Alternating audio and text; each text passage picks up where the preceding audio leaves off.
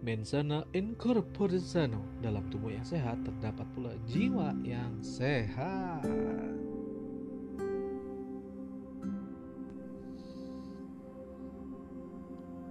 Oke guys, balik lagi dengan Tolkien Everywhere Masih bareng gue Aditya Agung Nugraha Sesuai dengan semboyan tadi Mensana incorpore sano Tentunya kebanyakan dari kita sudah banyak mengetahui tentang kata-kata itu ya Di mana memang kalau sehat tentunya jiwa kita pun akan sehat Karena sebetulnya ya, semboyan ini melandasi semangat kita dalam memahami pentingnya arti kesehatan di dalam kehidupan kita guys karena di dalam tubuh kita yang sehat tentunya akan mempengaruhi secara masif terhadap pola pikir, kecerdasan, dan kepandaian insan di dalamnya. Jadi kalau kalian pengen cerdas, pengen pola pikir bagus dan pandai tentunya, tentunya guys, tubuh kita memang harus sehat karena itu akan mempengaruhi secara masif keseluruhan terhadap pola pikir, kecerdasan, dan kepandaian kita untuk insan yang ada di dalamnya. Sehingga memang merupakan salah satu aspek penting yang harus kita pahami ini agar kita bisa hidup sehat dan berkarya bagi diri kita sendiri, lingkungan, dan orang-orang di sekitar, dan khususnya untuk orang-orang yang kita cintai. wow, kayaknya Tolkien Everywhere kali ini pembahasannya cukup berat ya karena berkaitan dengan sisi kesehatan tubuh manusia itu sendiri. Tapi gue berusaha kan mengemas informasi ini secara mudah dicerna, secara fleksibel dan tentunya nggak berbelit-belit.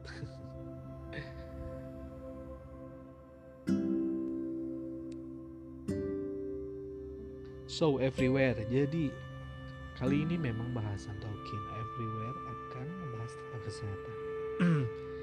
Tapi sebelumnya gue akan tetap tidak lupa dan tidak bosan mengingatkan untuk kalian semua tentunya untuk tetap menjaga protokol kesehatan karena kita masih menghadapi pandemi COVID-19 ini dan untuk kalian yang sudah melakukan vaksin jangan pula kalian mengabaikan protokol kesehatan Jangan merasa bahwa kalian sudah melakukan vaksin, kalian bisa bebas melakukan kegiatan-kegiatan tanpa mengindahkan protokol-protokol kesehatan.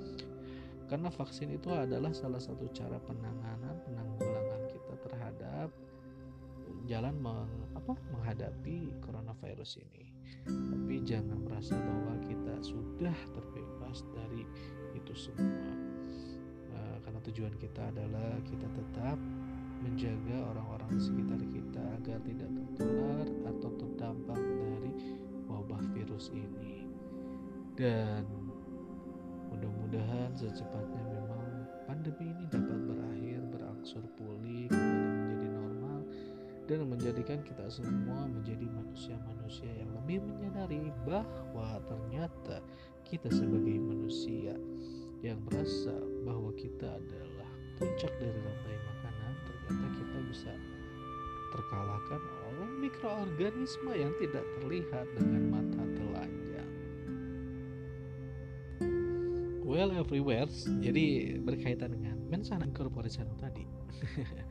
Tentunya kita udah tahu ya itu adalah uh, merupakan semboyan yang melandasi kita untuk tetap menjaga kesehatan. Karena di dalam era kehidupan modern ini banyak banget nih masyarakat yang udah mulai mengenal pentingnya kesehatan paradigma masyarakat yang semula pola pikirnya tuh kalau sakit ya udah berobat aja deh kalau sakit ya udah pergi ke rumah sakit pergi ke dokter pergi ke puskesmas atau ya pergi ke tempat-tempat pelayanan kesehatan lainnya. Tapi seiring dengan berjalannya situasi saat ini paradigma masyarakat yang sempur yang semula berpikiran seperti itu pada akhirnya bergeser. Yaitu mereka mulai konsen memahami bahwa oh ternyata kesehatan itu penting banget ya. Jadi mereka sedikit demi sedikit ada yang sudah merubah pola hidup dan mencegah apalagi dengan semakin mahalnya nih guys biaya untuk berobat karena sekali pergi ke rumah sakit itu tidak tidak hanya mengeluarkan uang yang sedikit kita memang membutuhkan biaya yang sangat besar jadi ada baiknya juga dari masa pandemi ini ternyata banyak menyadarkan orang-orang arti kehidupan kesehatan ini sendiri. So, jadi hal ini tampak dari kesadaran masyarakat yang menjaga kesehatan melalui program olahraga yang teratur dan keseimbangan gizi. Itu.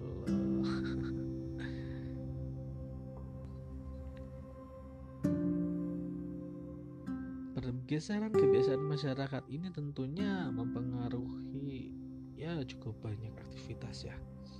Yang semula orang-orang biasa-biasa aja untuk olahraga mungkin di tengah keadaan saat ini orang-orang mulai ya merasa bahwa oh ternyata gue butuh olahraga. Dan satu hal yang gue pahami ternyata bagi orang yang usia sudah menginjak 30 tahun stretching itu sangat penting banget guys. Karena kalau kalian tahu kita bangun tidur nih terkadang otot-otot persediaan kita tuh kerasanya kayak kaku gitu ya kan ditambah dengan memang beberapa hari kebelakangan ini beberapa waktu kebelakangan ini adalah bahwa cuaca di Indonesia khususnya di kota gue intensitas turunnya hujan itu wah gede banget.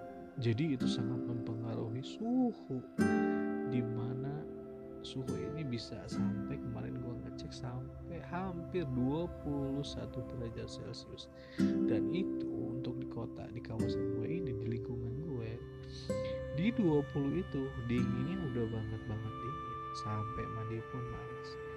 Dan dari situ gue baru menyadari bahwa ternyata stretching itu penting di saat kita baru bangun tidur guys. Jadi untuk usia mungkin karena gue memang sudah sampai di kepala tiga jadi kalau bangun tidur itu persendian tuh kayak kaku banget guys. Jadi buat kalian nih yang dengerin podcast gue ini yang usianya masih di bawah 30 makanya kalian harus rajin-rajinlah berolahraga. Setidaknya kalian melakukan aktivitas olahraga secara teratur. Dan jangan lupa juga stretching pergangan otot. Karena seperti gue ketahui bahwa semakin bertambahnya umur memang tingkat fleksibilitas otot persendian ini memang semakin berkurang ya, dan tidak terkadang itu dapat menjadi cedera di saat kita melakukan aktivitas di keseharian penuh di hari tersebut. Gitu geng. Ngobrolin tentang kesehatan nih guys. Sejarah kesehatan itu ternyata sudah dimulai sejak 2500 tahun yang lalu loh. Di mana diyakini yaitu di saat di zaman Yunani kuno. Karena kita telah mengenal bahwa bapak ilmu kesehatan yaitu Hippocrates dengan teorinya yaitu pemulihan yang berdasarkan bahwa tubuh mempunyai kekuatan yang berasal dari dalam untuk memulihkan. Yang mana kadang disebut dengan fisik atau psikis psik fisik ya.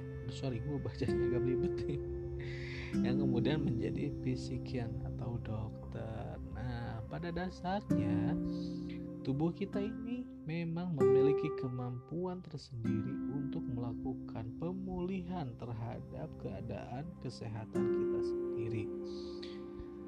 Jadi tentunya kalau kita sakit terkadang memang ada beberapa orang uh, ada beberapa teman gue juga kalau dia sakit dia tuh memang tidak pernah mengkonsumsi obat-obatan tertentu tapi dengan dia menjaga pola kehidupan ya. Pola hidup pola makan pola istirahatnya. Dan sakitnya memang bisa sembuh secara sendiri. Jadi teori yang disampaikan oleh Hippocrates tadi bahwa kita memang memiliki kemampuan untuk memulihkan keadaan tubuh dengan sendiri. Tapi tentunya keadaan itu bisa terjadi apabila banyak beberapa faktor-faktor yang yang melingkupi yang menunjang yang mensupport itu berjalan dengan baik. Ada beberapa macam ya mungkin salah satunya adalah gizi yang cukup makanan yang baik istirahat yang cukup mental rohani dan sosial yang seimbang. Kemudian olahraga yang teratur dan lingkungan sekitar yang memang sangat sehat. Jadi kalau beberapa faktor tadi bisa tertunjang dengan baik tentunya kita sebagai manusia bisa melakukan pemulihan terhadap diri ini dengan baik gitu gengs. Well untuk mempertahankan kondisi dalam keadaan sehat dibutuhkan keseimbangan ya jadi kalau kita pengen mempertahankan tubuh kita tetap sehat di dalam kondisi yang terbaik itu memang ada beberapa faktor yang dibutuhkan untuk menyeimbangkannya seperti yang gue udah bilang tadi salah satunya adalah gizi yang cukup. Karena kayak kita tahu nih selama beberapa tahun ke belakang atau pada saat gue kecil pun kita sudah sering mendengar dengan yang namanya empat sehat lima sempurna. Tentunya ini adalah salah satu juga penunjang di mana bahwa tubuh kita ini harus menerima mengkonsumsi makanan yang sehat. Karena disebut dengan empat sehat lima sempurna. Karena untuk sebab itu terkadang di masa sekarang ini banyak sekali food suplemen yang di mana mereka banyak menawarkan mereka menawarkan banyak keuntungan keunggulan keunggulan dari produk food suplemen ini sendiri. Jadi food suplemen ini berfungsi agar tubuh tidak mudah sakit sebagai penunjang. Tetapi tentunya kita sebagai manusia sebagai yang mengkonsumsi kita harus pintar-pintar juga dan bijak juga mencari mana food supplement yang memang terbaik yang dibutuhkan untuk tubuh kita sendiri. Tapi tentunya food terbaik adalah dengan kita memang menjaga makanan itu sendiri dengan baik. Kemudian yang kedua adalah istirahat yang cukup. Kita sebagai manusia tentunya bukan mesin bukan robot Walaupun sudah memiliki kecukupan gizi, makanan 4 sehat dan 5 sempurna ditunjang dengan suplemen, tetapi tentunya tubuh kita pun membutuhkan waktu untuk beristirahat. Karena di mana istirahat ini di mana waktu kita memberikan memanjakan tubuh kita untuk merilekskan setiap bagian-bagian tubuh.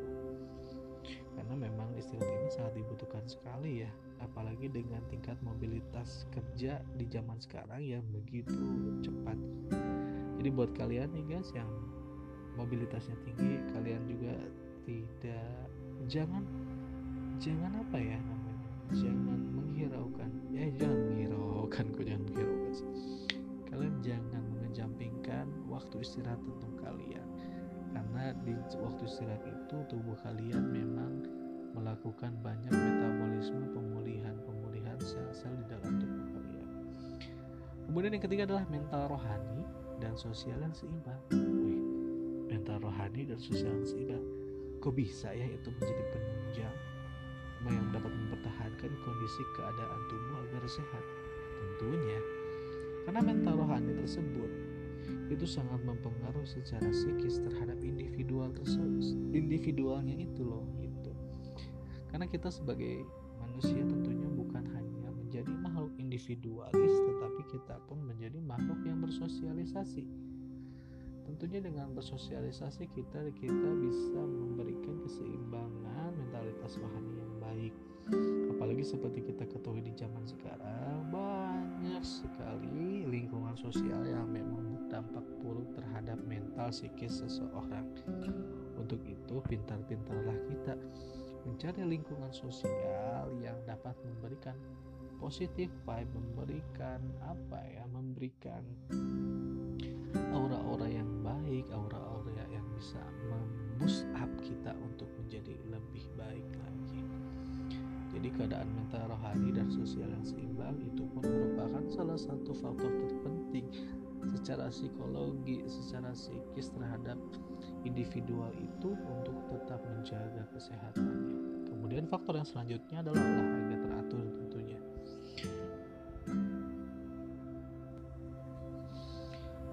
Oke, okay, everywhere. Tentunya yang keempat tadi adalah olahraga yang teratur. Nah, olahraga teratur ini terkadang orang berpikiran bahwa olahraga itu adalah kegiatan yang harus dilakukan di tempat-tempat fasilitas kebugaran seperti contohnya di gym, sanggar senam, dan lain-lainnya.